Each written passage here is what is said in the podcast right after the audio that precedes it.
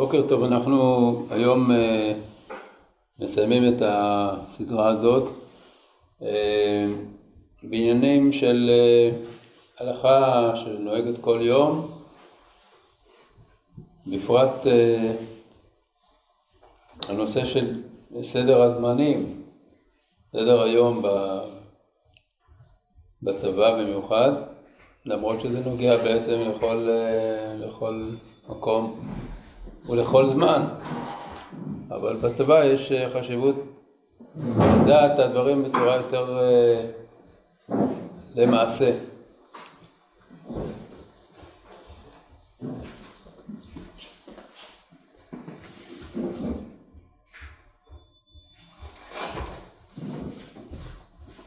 לגבי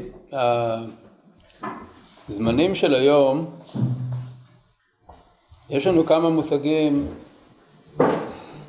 בסיסיים שצריך להכיר אותם, ועל פיהם כל, ה... כל הסדר נקבע. אה,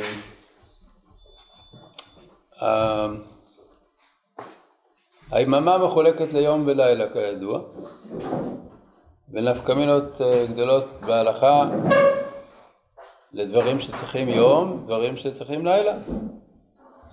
אה, מתי הוא היום ומתי הלילה? אז באופן אה, טבעי ופשוט, בזמן שהשמש זורחת זה יום, בזמן שאין שמש זה לילה.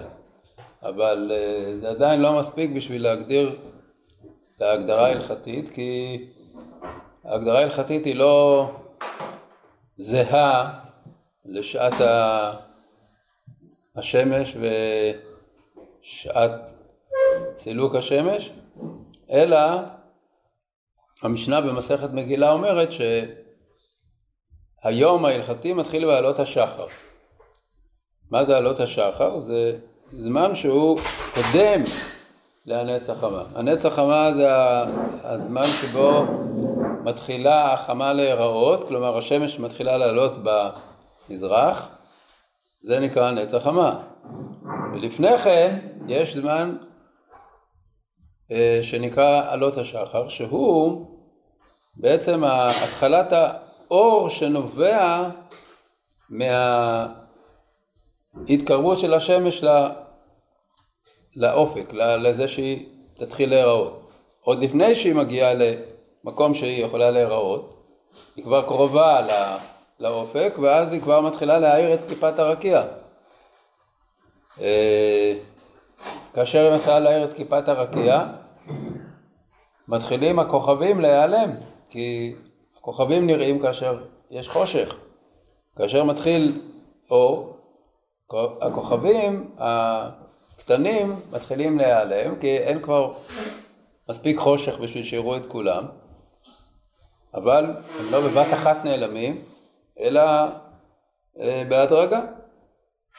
כמובן שכאשר השמש זורחת כבר, אז אה, הכוכבים נעלמים לגמרי. אז בכל אופן, הזמן הזה שבו מתחיל האור הראשון במזרח, הוא נקרא עלות השחר. מתי, מתי הוא עלות השחר? אה,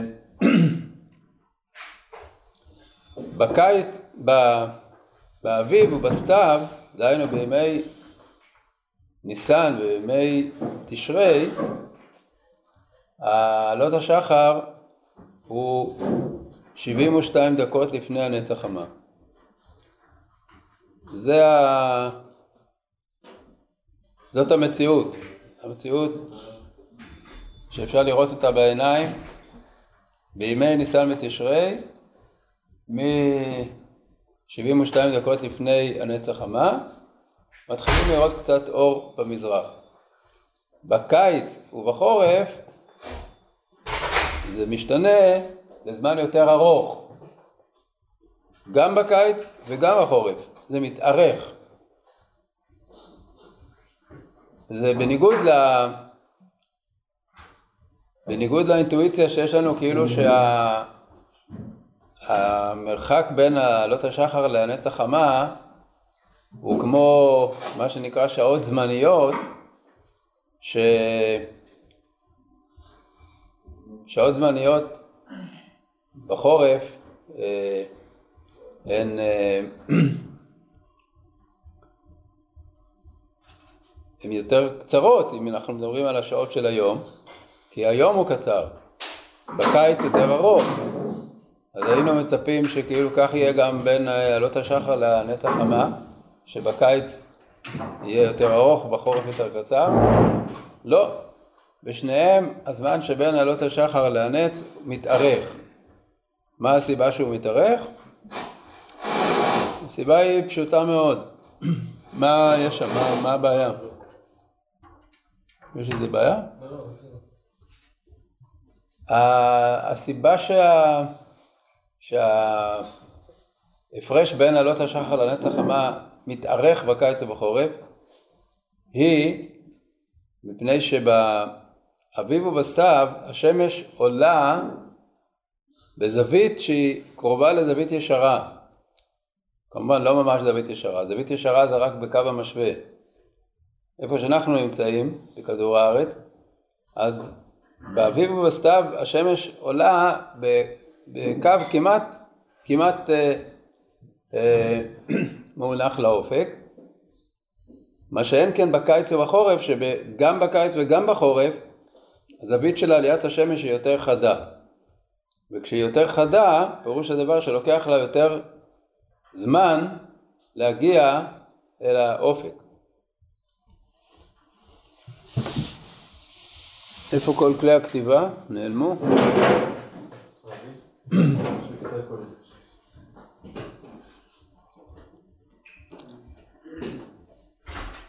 טוב, בכל אופן, מדידות אה, שנעשו וסוגיה בגמרא בפסחים שצריך ללמוד אותה ולהעמיק בה בשביל אה, להגיע לה... להסבר הנכון, אבל כרגע זה לא מעשי שאנחנו נעשה את זה. המדידות שנעשו הראו שבמקסימום של אה, הן של הקיץ והן של החורף, דהיינו של כל השנה, המקסימום של כל השנה במרחק, של המרחק בין עלות השחר להנץ הוא 90 דקות. זה המקסימום, אין, אין יותר מזה. אז אה, כך שאנחנו יכולים לומר שלפני, תודה רבה, לפני 90 דקות מ, מ, שלפני הנץ, עדיין לילה גמור בוודאי. הנפקמינה של זה היא למשל בתענית, יש לנו עוד מעט תענית, אז בתענית מותר לאכול, אם חשבת מראש לאכול עד עלות השחר, מותר לך לאכול, לאכול עד עלות השחר, אבל מתי זה עלות השחר? אז זה משתנה, כל הזמן זה משתנה, כל, כל יום בשנה זה, זה אחר מאשר ביום הקודם. אז אנחנו יכולים לדעת בוודאות ש-90 דקות לפני הנץ זה עדיין לפני עלות השחר. אז מותר לאכול עד 90 דקות לפני הנץ כל ימות השנה, בתענית. לעומת זאת, אם אנחנו רוצים להשתמש בעלות השחר לקולה, כפי שאנחנו עוד מעט נראה, לגבי תפילה בדיעבד או בשעת הדחק שהיא כשרה מעלות השחר, גם קריאת שמע, בדיעבד או בשעת הדחק מעלות השחר, אז אנחנו לא יכולים לעשות את זה 90 דקות לפני הנץ, למה? כי זה הזמן המקסימלי, המקסימלי אבל הזמן המינימלי הוא 72 דקות. אז מ-72 דקות לפני הנץ, כל ימות השנה, אפשר לומר שכבר היה עלות השחר, ונפקא מינה לגבי תפילה בשעת הדחק או בדיעבד. אז אה, בשביל לראות את זה, זה פשוט אה, מעניין, זה פשוט גם מעניין וגם פשוט להבין את זה, זה ה...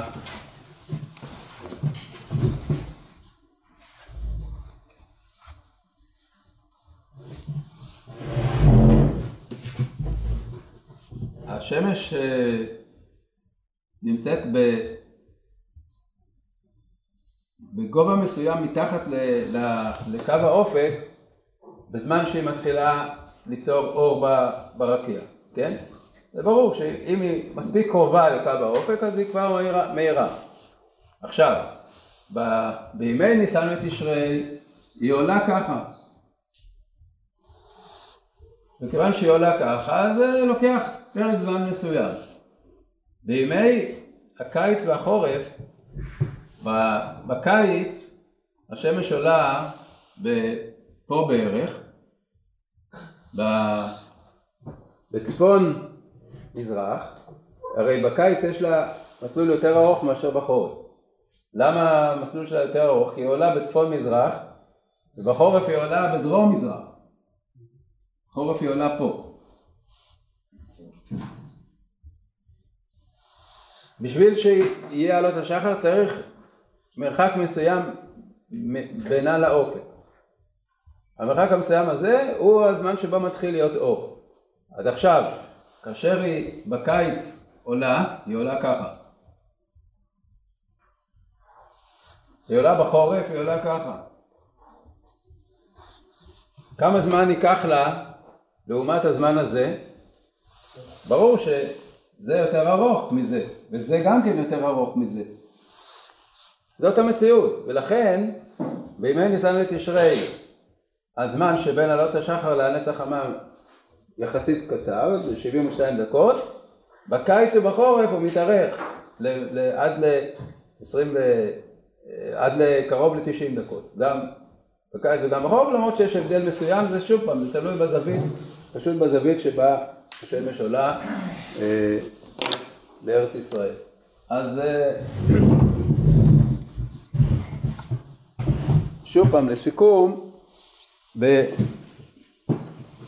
בעניינים שצריך את עלות השחר, אז לחומרה הולכים לשני הכיוונים, דהיינו ש-90 דקות לפני הנצח המה כבר יש אה, אפשרות שהגיע עלות השחר, נפקא מינה לגבי דברים שצריך לעשות בלילה, כגון לאכול לפני תענית, שאם רוצים לאכול לפני תענית אז זה צריך להיות עד 90 דקות ולא יותר, ולחומרה לצד השני, דברים שאנחנו רוצים לעשות מעלות השחר, כגון להתפלל בשעת הדחק, אז זה רק מ-72 דקות, למה? כי זה הזמן המינימלי. אם למישהו, למישהו יש לוחות מדויקים, כמובן שיכול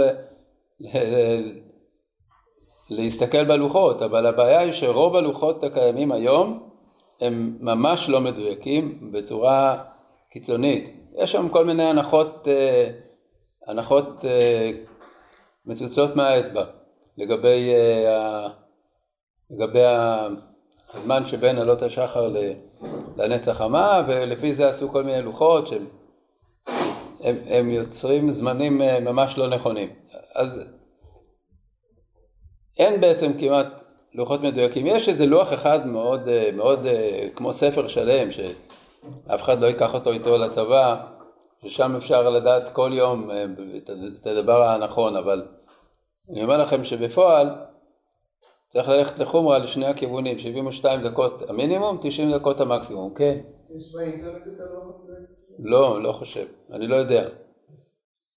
זה ספר, זה ספר שהוציא פעם, לפני עשרות, ש... עשרות שנים, הוציא ספר יהודית בן תורה רציני ש... שאבא שלו הוא מהנדס והוא בעצמו התעסק בנושאים האלה באופן רציני מאוד. אה, וזה יצא אז בהוצאה של בני תורה, זה יצא ספר של כל הזמנים אה, לפי השנים, בדילוג של ארבע שנים זה יוצא כל, כל ארבע שנים זה חוזר לאותם הזמנים. בקיצור, עסק אה, מורכב. טוב, עכשיו נגיע לעניין, לעניין ההלכתי.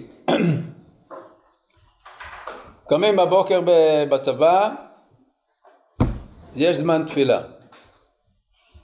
אז מה, מה עם זמני התפילה? יש לנו אה, זמן אחד שהוא הזמן של קריאת שמע, שהוא גם אותו זמן של תפילין ושל ציצית. מהו הזמן הזה? אומר, ה, אומר השולחן ערוך בסימן נ"ח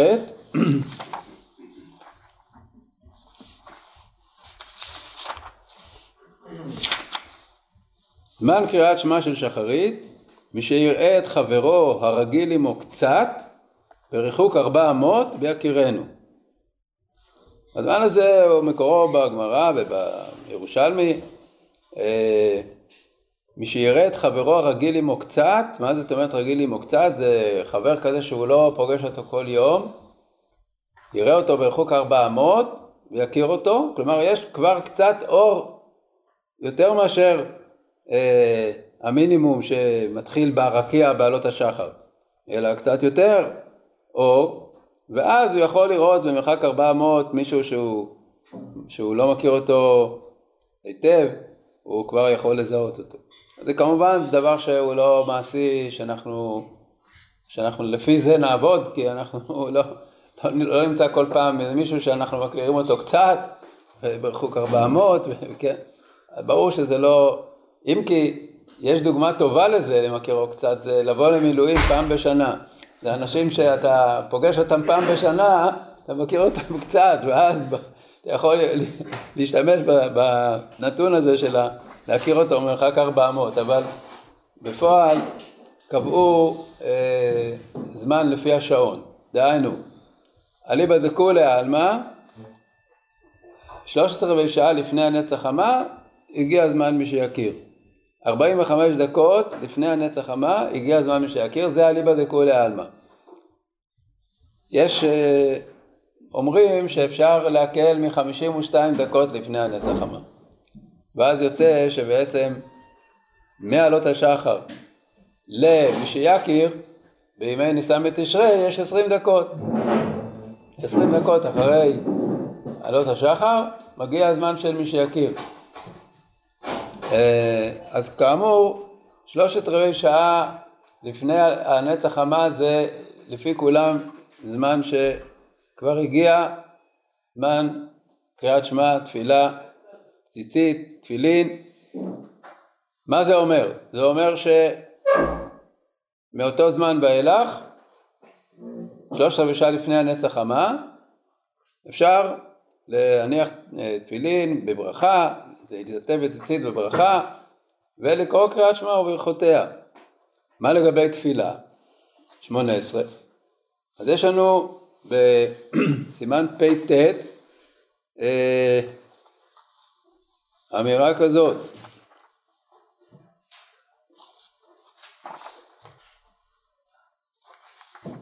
זמן תפילת השחר, מצוותה שיתחיל עם הנצח חמה, כי דכתיב יראוך עם שמש. ואם יתפלל משעלה עמוד השחר, והאיר פני המזרח, יצא. אה, לכאורה אפשר לחשוב שהשולחן ערוך אומר שלכתחילה צריך להתפלל דווקא אחרי הנצח חמה. הוא אומר מצוותה שיתחיל עם הנצח חמה. ואם יתפלל משאלה עמוד השחר יצא. אבל זה לא כל כך פשוט. למה זה לא כל כך פשוט? כי העניין הזה של מצוותה שיתחיל עם הנצח חמה, זה הוא אומר גם ב... הלכות קריאת שמע בנ"ח, ושם הוא אומר כך: בזמן קריאת שמע של שחרית מי שיראה את חברו הרגיל עמו וכולי, ומצווה מן המובחר לקרותה כוותיקין, שהיו מכוונים לקרותה מעט קודם הנצח המה, כדי שיסיים קריאת שמע וברכותיה עם הנצח המה, ויסמוך התפילה מיד בנצח המה.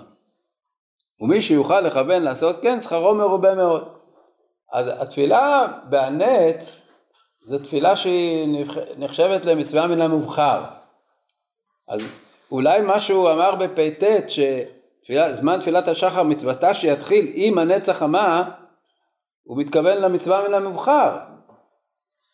אבל מצד שני הוא לא אומר, לא, הוא לא אומר שיש זמן שהוא, שהוא לא מצווה מן המובחר אבל הוא לכתחילה. הוא אומר שבדיעבד זה מעלות השחר. אז לכן יש פה איזושהי התלבטות, יש אחרונים שהבינו שבאמת זמן תפילה לכתחילה הוא מהנצח חמה. אבל יש גם דעה אחרת שמבוססת גם על ראשונים וגם באחרונים יש, יש אחד מגדולי הנושאי כלים של השולחן ערוך שהוא אומר הלכה למעשה שהזמן תפילה היא מי שיכיר זמן תפילה הוא לא מהנצח חמה, זמן תפילה לכתחילה, מי שיכיר. דהיינו, שזה באמת גם לכאורה מה שמתבקש, מפני שאם אתה אומר שזמן קריאת שמע הוא מי שיכיר לכתחילה, אה, ואתה צריך לסמוך גולה לתפילה, אז מה זה אומר? זה אומר שאתה יכול להתפלל מיד אחרי הקריאת שמע. אז כך פסק אה, למשל רב מנדל לאוירבך שהיה אחד מגדולי הפוסקים בנושאי כלי השולחן ערוך. אה, והוא אומר שזמן תפילה לכתחילה הוא מי שיכיר.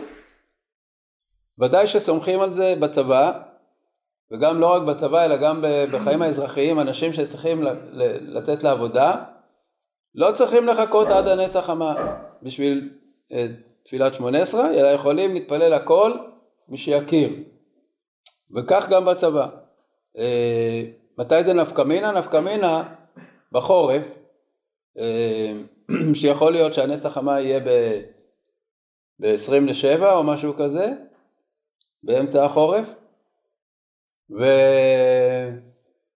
ואתם קמים בשש ולא, ולא, אין לכם אפשרות לחכות עד הנצח המה עם, עם, עם התפילה, כי יש כבר ב, ב, נגיד בשבע כבר מסדר בוקר וארוחת בוקר וכולי.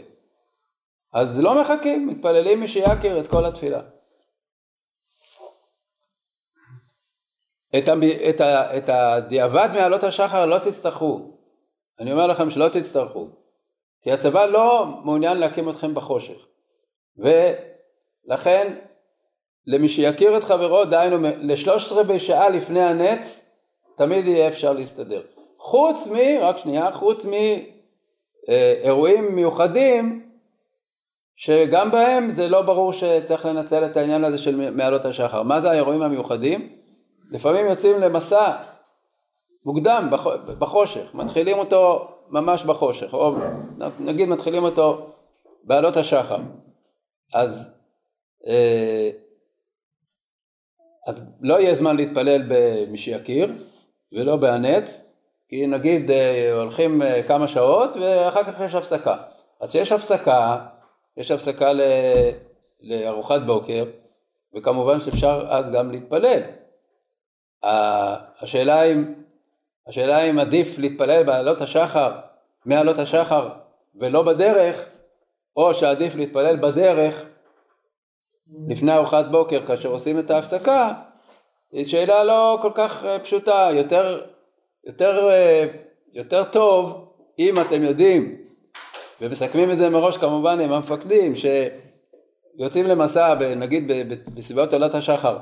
ותהיה הפסקה אחרי שעתיים ואז אפשר יהיה להתפלל בשטח וגם אה, לפני ארוחת הבוקר. אז זה עדיף מאשר להתפלל מעלות השחר שזה רק בדיעבד ובשעת הדחק. אבל אם משום מה, נגיד שזה בשני וחמישי יוצא, לא תיקחו ספר תורה לשטח, או שמסיבות אחרות מבינים שלא יהיה הפסקה מספיק ארוכה שם גם לתפילת שחרית וגם, ל, וגם לארוחת בוקר, אז מתפללים אה, מעלות השחר. עכשיו, עכשיו, כשמתפללים מעלות השחר, שזה מותר, זה בשעת הדחק מותר, אז יש פה הגבלות. לא מברכים על התפילין ולא על הציצית עד שיגיע מי שיכיר. יותר מזה, אשכנזים לא אומרים ברכת יוצר אור בשעה הזאת, עד, בש... עד שיגיע מי שיכיר, כי זה מחלוקת בין השולחן ערוך לבין המגן אברהם והגר"א, האם אומרים את ברכת יוצר אור מעלות השחר. השולחן ערוך פוסק שכן, שאפשר להגיד מעלות השחר את ברכת יוצר אור, כי התחיל כבר אור. אבל המגן אברהם אומר לא, זה לא אור שאפשר ליהנות ממנו, כי עדיין לא הכיר, לא יכול להכיר את חברו מרחוק ארבע אמות, רק מי שיכיר זה הזמן של ברכת יוצר אור. אז אם קורה שצריך להתפלל מעלות השחר, שוב פעם, עלות השחר הוא אה, יותר, לא יותר מ-25 דקות לפני מי שיכיר. אבל נגיד שיוצא שצריך להתפלל אז בזמן הזה, אז לא מברכים על, ה... על התפילין, אלא לובשים אותם בלי ברכה, לא מברכים על הציצית. כשמגיע הזמן שיכיר, שאז יהיה בדרך כלל עדיין, עדיין, עדיין יהיה סוף התפילה, אז לברך, על, על, למשמש בתפילין ולברך, בציצית ולברך, ברכת יוצר אור אומרים אותה בפני עצמה, האשכנזים אומרים בפני עצמה אחרי שכבר גמרו שמונה עשרה, כבר גמרו את חזרת השעת, כבר, כבר גמרו את, כמעט את התפילה, אז מברכים על התפילין והציצית ואומרים ברכת יוצר אור בפני עצמה.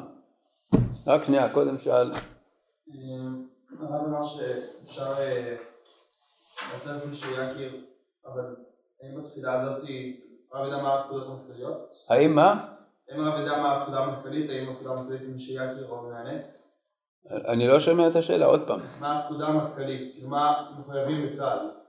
בסוף כל הדברים האלה זה מקרים שבהם... בצה"ל הזמן התפילה של יום יום הוא, הוא אחרי מי שיכיר, אין מצב ש, שתצטרך להתפעל לפני מי שיכיר. אחרי מי שיכיר או אחרי הנץ? אחרי מי שיכיר, לא אחרי הנץ, אף אחד לא יחכה לך להנץ, בחורף.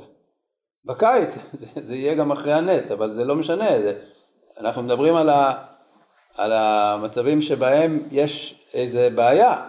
מה פירוש בעיה? שמי שרוצה לחכות להנץ, הוא לא יוכל, כי, כי כבר הלו"ז כבר יהיה, יהיה כזה שלא יאפשר את זה.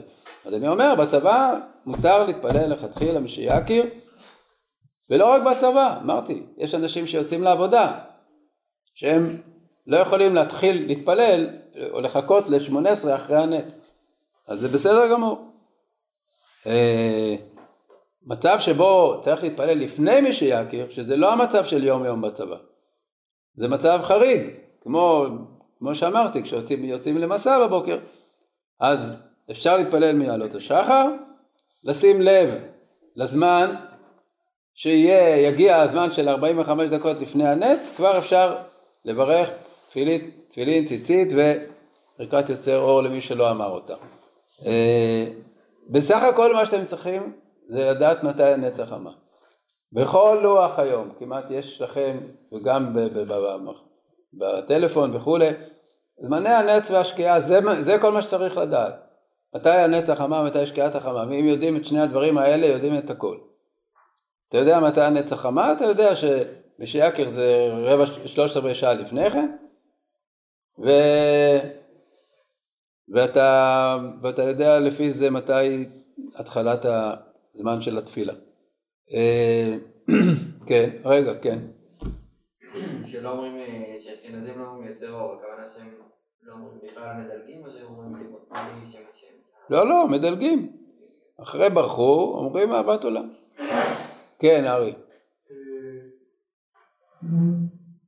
בלוחות יש זמן שהוא של של מגן אברהם ו... ו... ו... ו... וגם זמן ש... ש... של הגר"א. כן, אז רגע, זה, עוד, לא, עוד לא דיברנו בכלל על, על סוף הזמן, מיד אני עכשיו מתכונן לדבר על זה, אה, רק נשמע עוד קודם, כן?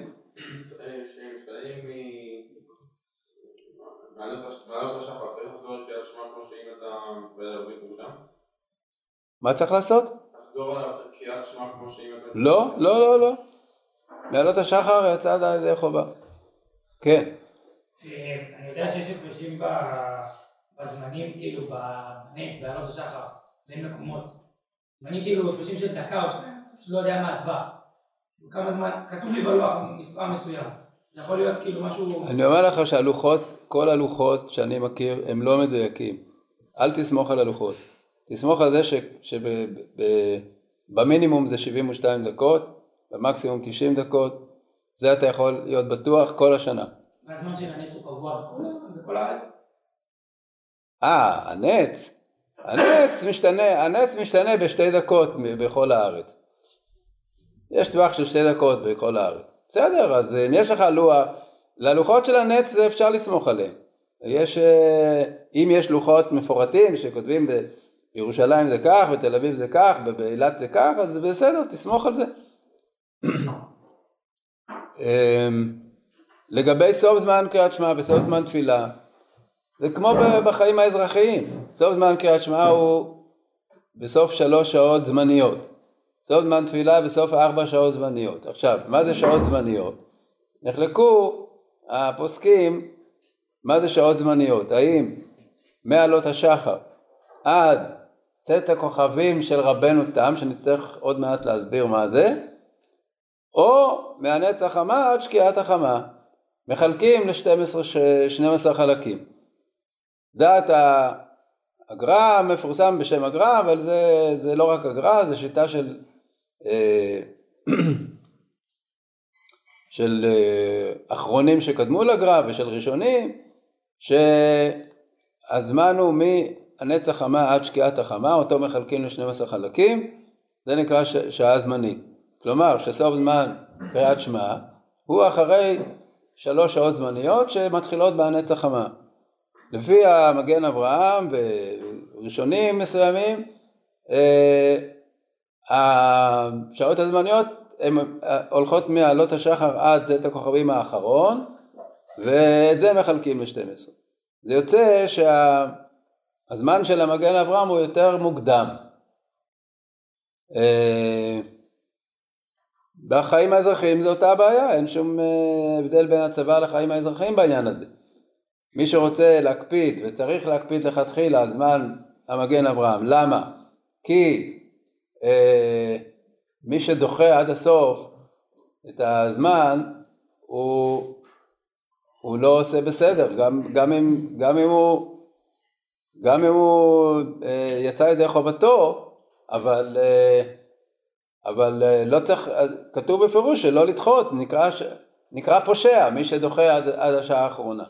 אז לכן עדיף מלכתחילה לעשות לפי הזמן של המגן אברהם, ואם יש צורך בכל זאת להתפלל יותר מאוחר, בגלל איזה שהם סיבות, או כמו שאמרנו שיוצאים למסע וההפסקה תהיה אחר כך, או מישהו ש...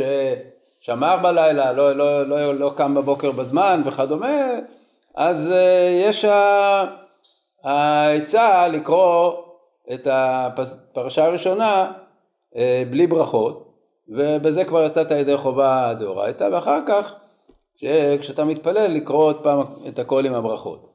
זה uh, מבחינת ה... זה, זה, זה בעצם כמו שאנחנו עושים בחיים אזרחיים, כשמישהו הולך להתפלל בבית כנסת שמתפללים מאוחר בשבת, ו... והוא רוצה לקרוא בזמן, בזמן המגן אברהם, אז שיקרא את הפרשה הראשונה בלי ברכות, ואחר כך קורא עם הציבור את הכל, כן. לגבי מה? מלאכה לפני התפילה. כן, אני יכול להתייחס לזה. אה, הדברים שהצבא דורש זה לא דברים שאנחנו עושים אותם מתוך יוזמה של אה, מלאכה כמו בחיים האזרחיים שבן אדם עושה מלאכה בשביל פרנסתו. מה שהצבא דורש ממך נגיד לנקות את הנשק, נגיד לסדר את האוהל וכדומה, זה דברים שאתה עושה אותם בגלל משמעת צבאית. וכיוון שכן, אין בזה בעיה של, של עשיית אה, חפציך לפני התפילה, כי זה לא חפציך בכלל. מצידי אני הייתי מוותר על הטובות האלה, שאני צריך לנקות את הנשק או לעשות משהו אחר כזה, ולכן, אה, ולכן אין בעיה לעשות את זה אם, אם יש צורך. כמובן שבדרך כלל אה, לא אמור להיות אה, סיבה לעשות את זה לפני התפילה. אם יש לך מסדר בוקר בשבע, אתה מתחיל להתפלל בשש ועשרה, אתה גומר את התפילה בעשרה לשבע ויש לך עשר דקות בשביל לנקות את הנשק. אתה לא צריך לנקות את הנשק לפני התפילה, אבל גם אם כן בגלל משהו זה קורה, נגיד קמת יותר מוקדם, אתה אומר למה לי ללחץ אחר כך וכולי, אז בסדר, אז מותר, מותר גם לפני התפילה לעשות את הדברים האלה. אמ, לגבי הזמנים של תפילות בצבא, יש, יש חוקי, יש פקודות מטכ"ל. פקודות מטכ"ל שקובעות בצורה מדויקת כמה זמן אה, חייל אמור לקבל לתפילת שחרית, כמה זמן בזמן בשני וחמישי, כמה זמן בראש חודש, זה כתוב בתור פקודה צבאית ואין מצב שבו מפקד יכול להגיד לך שזה לא מעניין אותו, אם זה לא מעניין אותו אז הוא יקבל אה, קובלנה והוא יחטוף על זה. אז uh, ברור שלא כדאי להיכנס לאווירה של קובלנות ושל סכסוכים. אפשר פשוט לדבר עם המפקדים, יש לכם הרבה פעמים מפקדים שהם בעצמם בין אישיים או דתיים ואין שום צורך שהם יתייחסו לזה אחרת מכם ובכל מקרה ללכת בדרכי שלום ודרכי נועם זה תמיד הכי טוב לכל דבר, גם לעניינים של יראת שמיים ומצוות וגם לעניינים של uh, סתם ככה יחסים uh, אנושיים בין, בין החיילים והמפקדים. כן. מה עושים זמן תפילה ואתה נמצא בשמירה? זה עושים מה, ש, מה שאפשר, כלומר אם נגיד אתה במשמרת שאתה לא תוכל להתפלל שחרית בזמן, אז אתה קורא רק את הפרשה הראשונה של קריאת שמע, וכשתגמור את השמירה תתפלל, כמו, כמו בן אדם שלא יודע מה, בגלל סיבה כלשהי הוא אה, חולה, משהו, נרדם, לא יכול לקום, אז, אה, אז עושים ככה. אה, ברור שאי אפשר באמצע השמירה ללכת להתפלל. אתה קורא שמע ואתה מתפלל אחר כך. גם אם זה עובר את הגבול של ארבע שעות, אז עדיין, עדיין אה, זה בבחינת מי שהיה אנוס, שהוא ודאי שיכול להתפלל עד חצות. כלומר, בזמן שאדם לא הצליח להתפלל בזמן, עד ארבע שעות, הוא לא מפסיד כלום, כלומר הוא לא מפסיד את, את ה... מבחינת ה... התפילות שהוא אומר, הוא ממשיך להגיד הכל, גם קריאת שמע וברכותיה וגם תפילה עד חצות היום. זה כמובן לא במזיד, רק שזה במצב שבו לא, לא יכולת בגלל איזשהו עונש. טוב, אז נלך הלאה. אה, מנחה. מנחה, יש לנו אה, זמן אה, אולטימטיבי שהוא ממנו ואילך אפשר להתפלל מנחה כל ימות השנה. הזמן הזה הוא 12 ו-20. או יותר נכון בצורה יותר מדויקת 12-24. עכשיו ה-12-24 הזה זה בשעון חורף, בשעון קיץ זה 1-24. אז מה קורה? בצבא, בצבא ארוחת צהריים היא בדרך כלל ב-12. מגיעים, ל, מגיעים ל, לארוחת צהריים, אז מתי אפשר להתפלל מנחה? אי אפשר להתפלל לפני, לפני שאוכלים, כי אם ארוחת צהריים היא ב-12 אז אי אפשר להתפלל מנחה לפני כן. מה שאני ממליץ לכם לעשות זה בשעון חורף להתפלל מנחה מיד אחרי ארוחת צהריים. מיד אחרי ארוחת צהריים, למה? כי זה זמן שהוא פנוי, זה זמן שלא תכף אחרי ארוחת צהריים רצים לאיזה, לאיזה פעילות אחרת. ב', כולם נמצאים, כולם היו בארוחת צהריים, אין בעיה לאסוף את כולם למניין, וזה זמן שהוא אה, רגוע. אז אחרי ארוחת צהריים, אבל זה רק בשעון חורף. כי בשעון קיץ, אחרי ארוחת צהריים, עדיין לא הגיע הזמן. מה ענו ב-1.24? אז מה עושים בקיץ? בקיץ להתפלל מנחה אחרי ארוחת ערב, מיד אחרי ארוחת ערב. כי ארוחת ערב בצבא היא מוקדמת, היא בערך בשש. ושוב פעם, לא, לא לחשוב, לא, אז כבר נתפלל לפני, לפני הארוחה. זה לא מחשבה נכונה.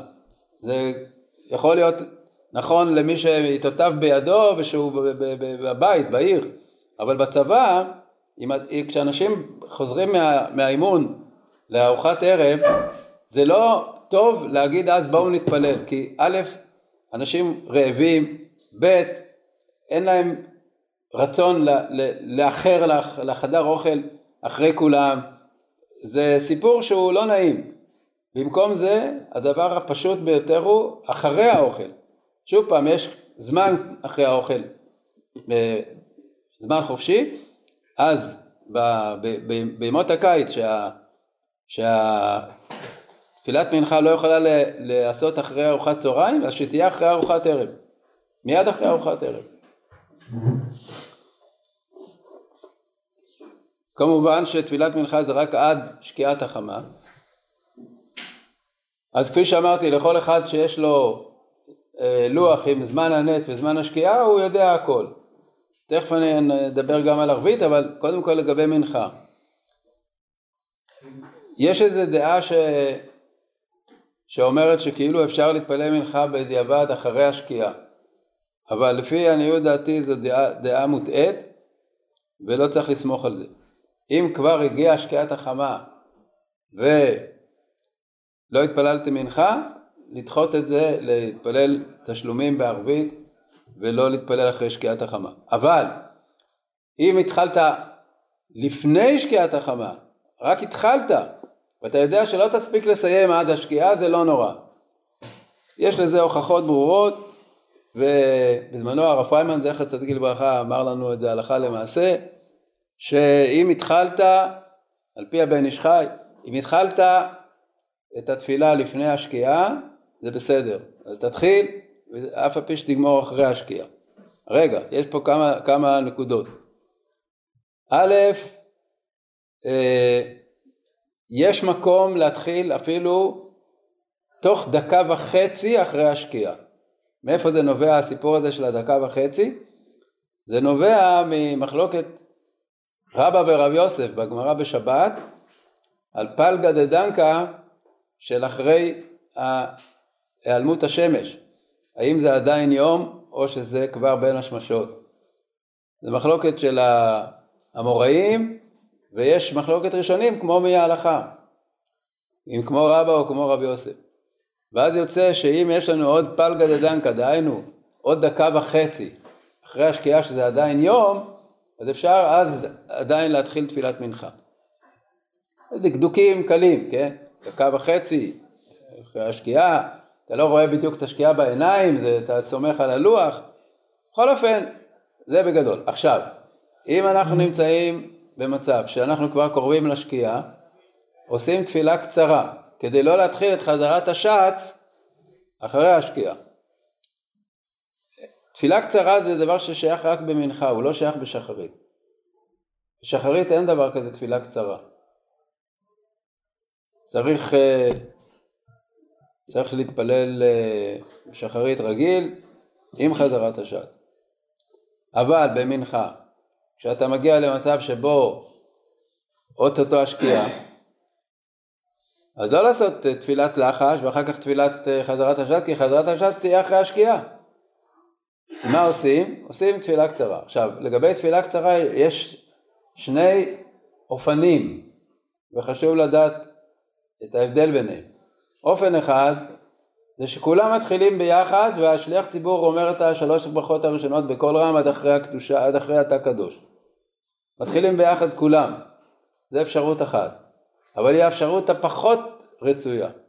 האפשרות היותר רצויה היא שרק השליח ציבור מתחיל, כולם מחכים עד אחרי שהוא גומר קדושה וגומר את ברכת הקהל הקדוש, ואז כולם מתחילים את הלחש. אה, זה יותר רצוי. תלוי בשאלה כמה זמן יש. אם, אם רואים שממש אנחנו כבר הגענו לסוף, ואנחנו, אם לא נתחיל ביחד, אז אנחנו, יכול להיות שנתחיל אחרי השקיעה, אז מתחילים כולם ביחד. מתחילים כולם ביחד, השליח ציבור אומר בקול את השלוש הראשונות, וממשיכים. ואם יש עדיין קצת זמן, אז נותנים לשליח ציבור להתחיל את השלוש הראשונות, כשהוא גומר הקהל הקדוש ואתה עונה אמן, אחר כך אתה מתחיל בלחש, והוא כמובן ממשיך את שלו, זה אה, לגבי העניין הזה. תחנון, תחנון, אחרי השקיעה לא אומרים. אה, אבל את השלוש עשרה מידות, אנחנו אומרים בנוסח ספרד, 13 מידות אומרים גם אחרי השקיעה. רק את הנפילת אפיים לא עושים אחרי השקיעה. אז אם הגענו למצב שאנחנו כבר אחרי השקיעה, אומרים את ה-13 מידות. עכשיו, כל העניין של נפילת אפיים, גם צריך עוד משהו, שזה יהיה במקום שיש ספר תורה או חומשים. אם נמצאים בשטח, ואין לך שם לא ספר ולא חומשים, לא שום, שום דבר של תורה, אז בכלל לא נופלים אפיים. אבל אם יש אה, אפילו חומש, אז אומרים נפילת אפיים גם בשדה, וכאמור, רק לפני השקיעה, או דקה וחצי שאחרי השקיעה. כן. לפי ה... כאילו, והיינו עושים קצר שכולם מתחילים ביחד, אז מה עושים בקדושה? מה הציבור... עונים, עונים, אומרים הכל. אתה, כשאתה מגיע למחיי המתים, אתה אומר, נקדישך ונעריצך, או נקדש שמך בעולם, יחד עם השליח ציבור, עונה את הקדוש קדוש. לפני? מה? לא משנה, הגעת למחיי המתים, אתה אומר, נקדישך ונעריצך, מחכה לשליח ציבור שיגיד, וקרא זה על זה ואמר, אתה אומר קדוש קדוש, אחר כך אומר לעומתם משבחים ואומרים, אתה אומר הכל, כמו, ב, כמו במצב שאתה לא באמצע התפילה. מה? לא, לא, מה פתאום, אתה באמצע תפילת שמונה עשרה. כן, לגבי זמן תחילת מנחה, הרב דיבר על אשרי או על עמידה? על העמידה. אמרתי, זה, בדרך כלל מתחילים ב-12 ו-20, עוד איזה דקה, עד, עד שאומרים אשרי וקדיש, אז כבר מגיע כבר הזמן, אבל עדיף 12-24, זה, זה המדויק.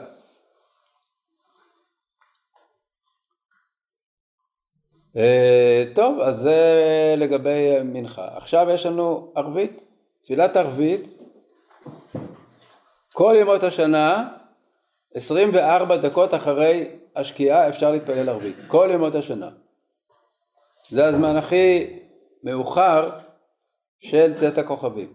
24 דקות אחרי השקיעה, אז במקום להסתבך ולחפש כוכבים בשמיים, פשוט לחכות 24 דקות אחרי השקיעה, ואז אפשר להתפלל ערבית. אבל לא רק שאפשר להתפלל ערבית, אלא שצריך להתפלל ערבית. דהיינו, אני אומר את זה בהמלצה הכי, הכי אה, נחרצת, יותר מאשר כל ההמלצות הקודמות.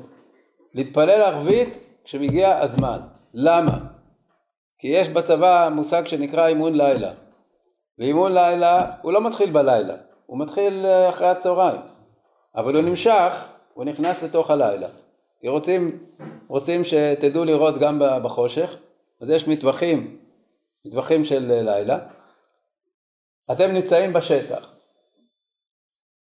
תחזרו לב, לבסיס אחרי יום אה, אימונים, אנשים רצים למקלחת, רצים לחדר, להניח את הציוד, לך תאסוף אותם, כשמתחיל כבר גם חושך, לך תאסוף אותם, אין שעה קבועה, זה לא שיש לך איזה שעה של ערבית כמו בבית כנסת בעיר. בקיצור, המון פעמים קורה שאנשים לא מתפללים בציבור או שבכלל שוכחים להתפלל ערבית. לכן, כשמגיע זמן ערבית, דהיינו 24 דקות אחרי השקיעה, איפה שאתה נמצא, המפקד, תפילת ערבית. ואין שום בעיה, הוא ייתן לכם להתפלל תפילת ערבית, מקסימום יגיד לכם עוד חמש דקות, אנחנו נגמור את המקצה הראשון של המטווח ואז תתפללו.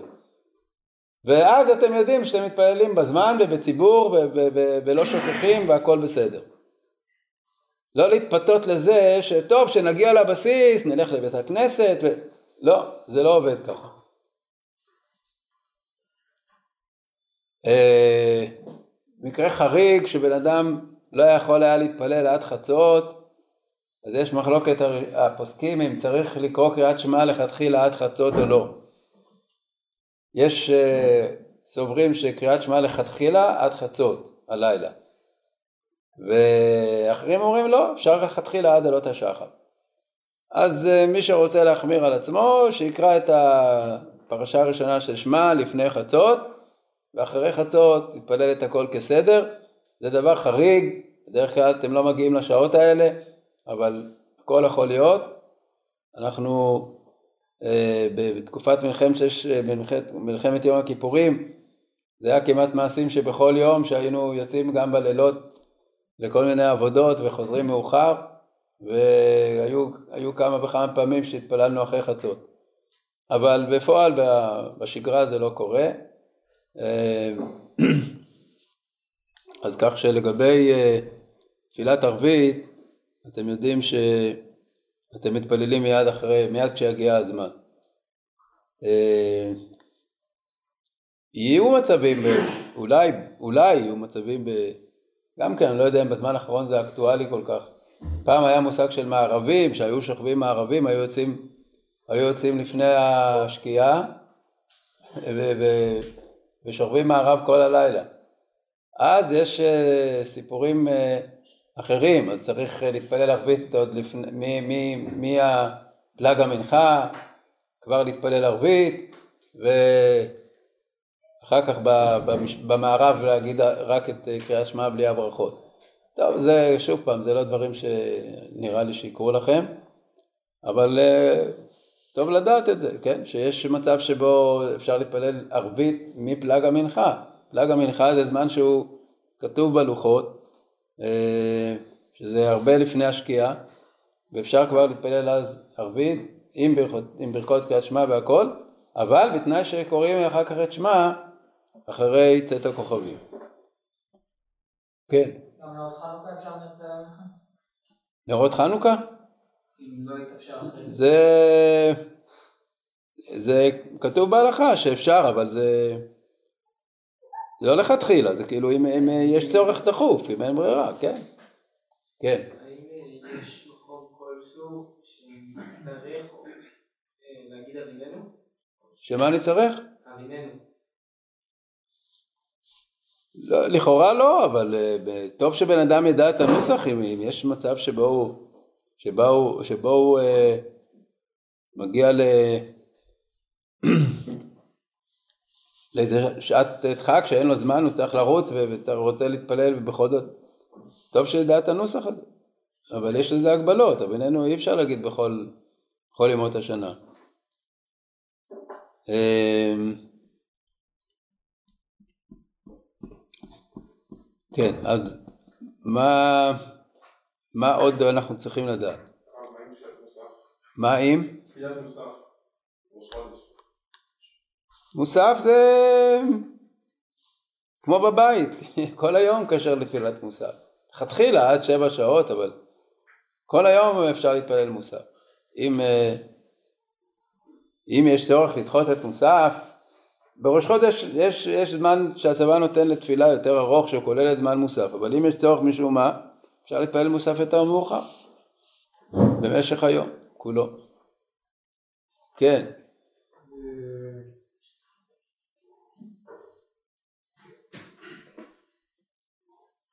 הרב ליפשיץ אמר ש... שכאילו כדי שנדע אם יש איזה מצב שצריך את זה, ש... ש... שמישהו עסוק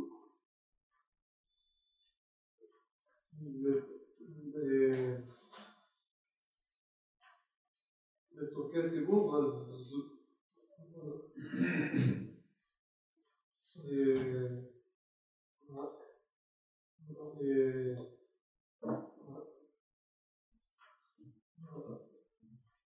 אז הוא פטור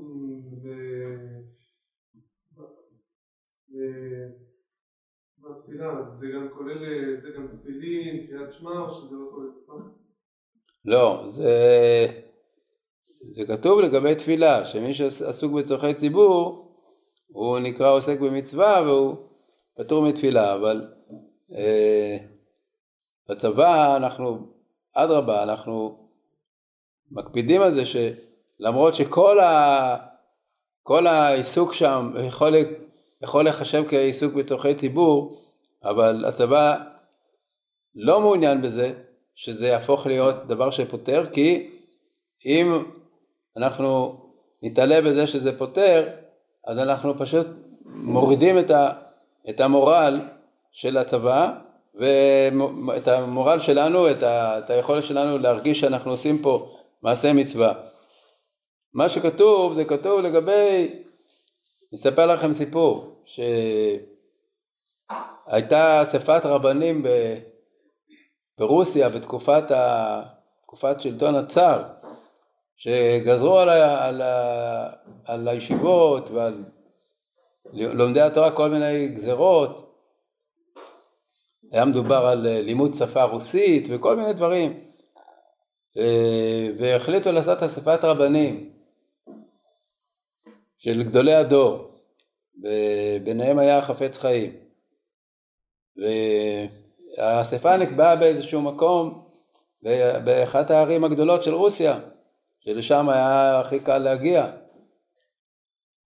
התאספו שם, וזה היה, הגיעו לשם בשעות אחר הצהריים, ואחד הרבנים אמר, טוב בואו נתפלל מנחה. אז החפץ חיים אמר, אני לא נסעתי מרדין עד פה בשביל להתפלל מנחה. והוא לא הסכים שיתפללו מנחה, הוא אמר אנחנו עוסקים בצורכי ציבור ולא לא להתפלל, לא להתפלל עכשיו עד שלא נגמור את ה... אבל הוא אמר לא נסעתי מרדין עד פה בשביל להתפלל מנחה, להתפלל מנחה אני יכולתי גם ברדין.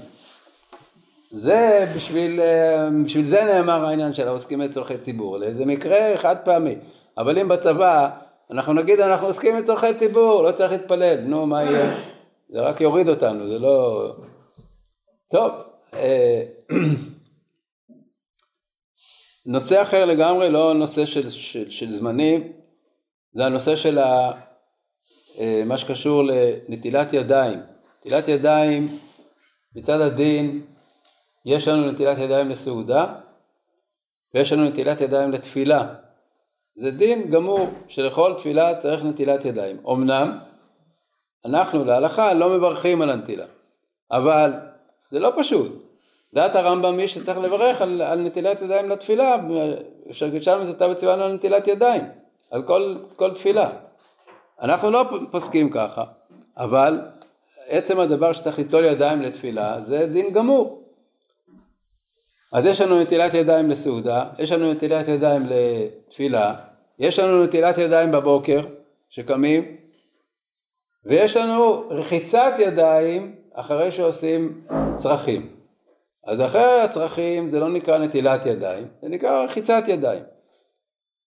אבל אם תשימו לב, יש לנו במשך היום המון פעמים שצריך ליטול ידיים או לרחוץ ידיים, המון פעמים. וזה אומר שצריך ל... ל...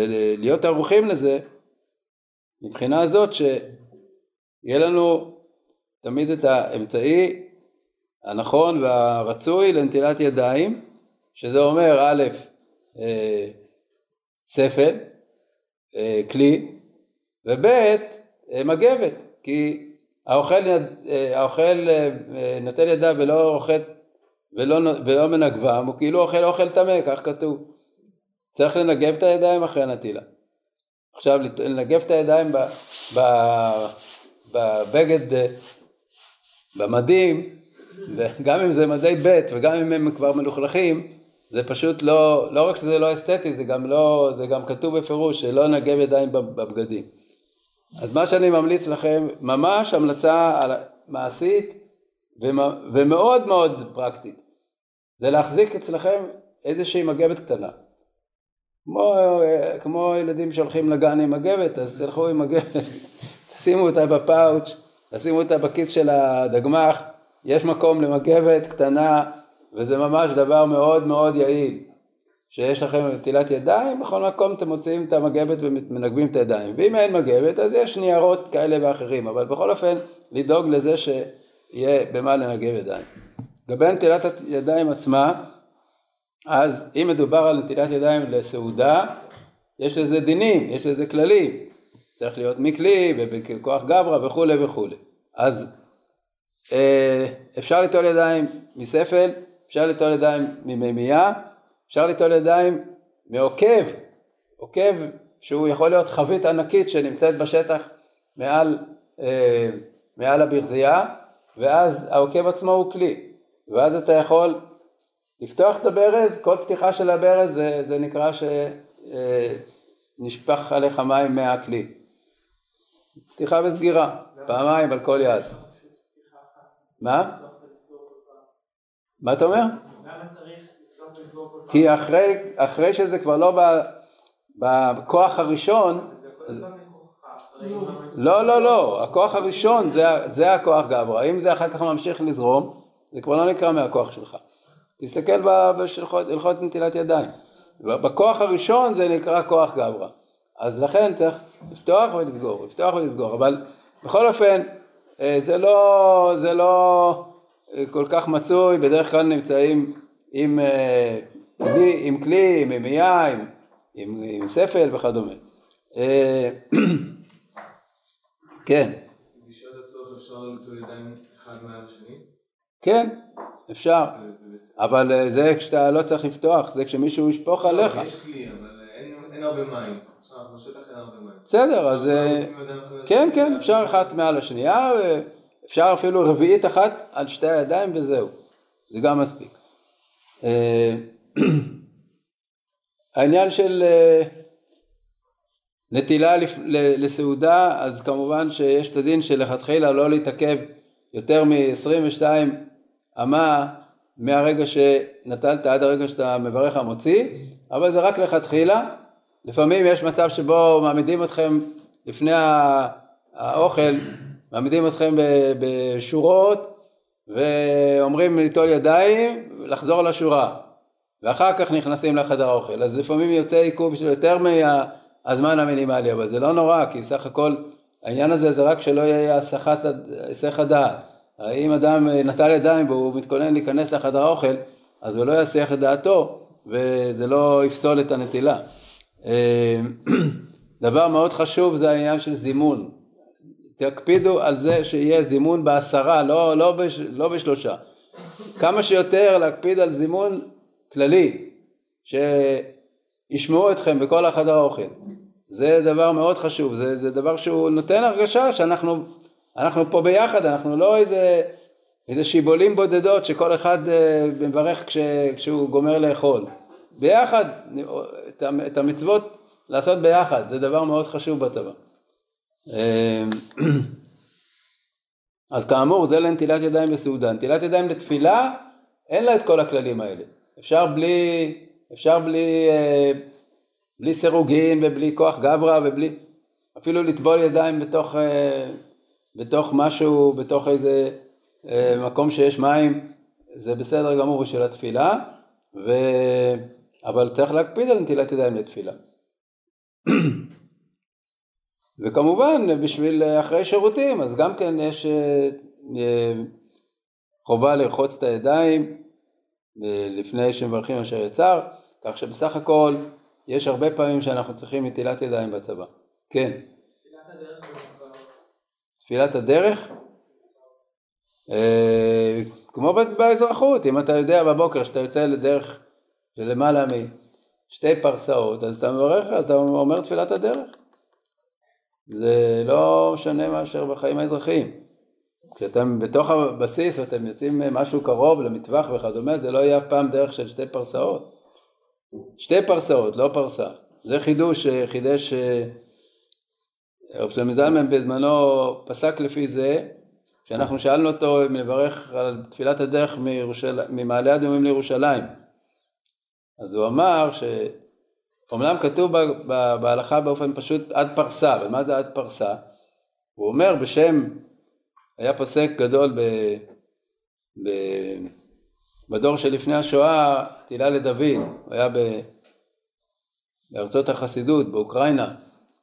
אה, אז הוא אמר שבשביל לברך תפילת הדרך צריך שיהיה רוחק של פרסה מכל מקום יישוב. כלומר שאם אתה יוצא, אם אתה יוצא לדרך שהיא בין שני יישובים, אז אם בין שני היישובים יש פחות משתי פרסאות, לא לברך. למה? כי בכל כל נקודה בדרך אתה נמצא קרוב, קרוב אה, פחות מפרסה ממקום יישוב. או מהראשון או מהשני. אם יש יותר משתי פרסאות, אז אתה תימצא בדרך במקום שהוא רחוק יותר מפרסה מכל יישוב. זה, זה הכלל. לא שאם אתה יותר מפרסה אתה כבר צריך לברך. אם בסך הכל זה פרסה וחצי עד היישוב הבא, אז אתה לא צריך לברך. כי עד היישוב ש... ש... כי בכל נקודה בדרך אתה נמצא פחות מפרסה ממקום יישוב. מכאן, ל... מכאן לירושלים אין יותר משתי פרסאות, אין שתי פרסאות, יש פחות, אז לכן לא מברכים, אחרת היינו צריכים כל יום לברך פה. טוב רבותיי, אני מקווה שהדברים האלה הם אה, ייושמו כמו שצריך אז כפי שאמרתי, מה שחשוב שלכל אחד יהיה איזשהו לוח שאומר לו מתי הנצח חמה, מתי שקיעת החמה. לפי זה יודעים הכל. כל, כל הזמנים שצריך. ואת ה... את המצוות ואת התפילות וכדומה, להשתדל לעשות ממש ביחד, בחבורה, ולא לא ל, לסמוך על זה שאני אעשה אחר כך ואני אעשה קודם וכל מיני תת צדקי, זה לא טוב, זה צריך להיות ממש באווירה, באווירה של אחדות ושל, ושל אה, ציבור, ציבור. הציבור פה הוא, גם יש לזה משקל לגבי כל הנושא של של המורל בכלל ושל המורל ביחס למפקדים. ברגע שמישהו חריג אז המפקדים אוהבים להתלבש על החריגים. הם לא אוהבים חריגים, בצדק, הם צריכים, יש להם את העבודה שלהם, הם צריכים לעשות את המטלות שלהם. אם מתחילים כל מיני סיפורים של חריגים, זה מתכון לבעיות לא נעימות. צריך להיות כולם ביחד כאיש אחד ובלב אחד. בהצלחה רבה.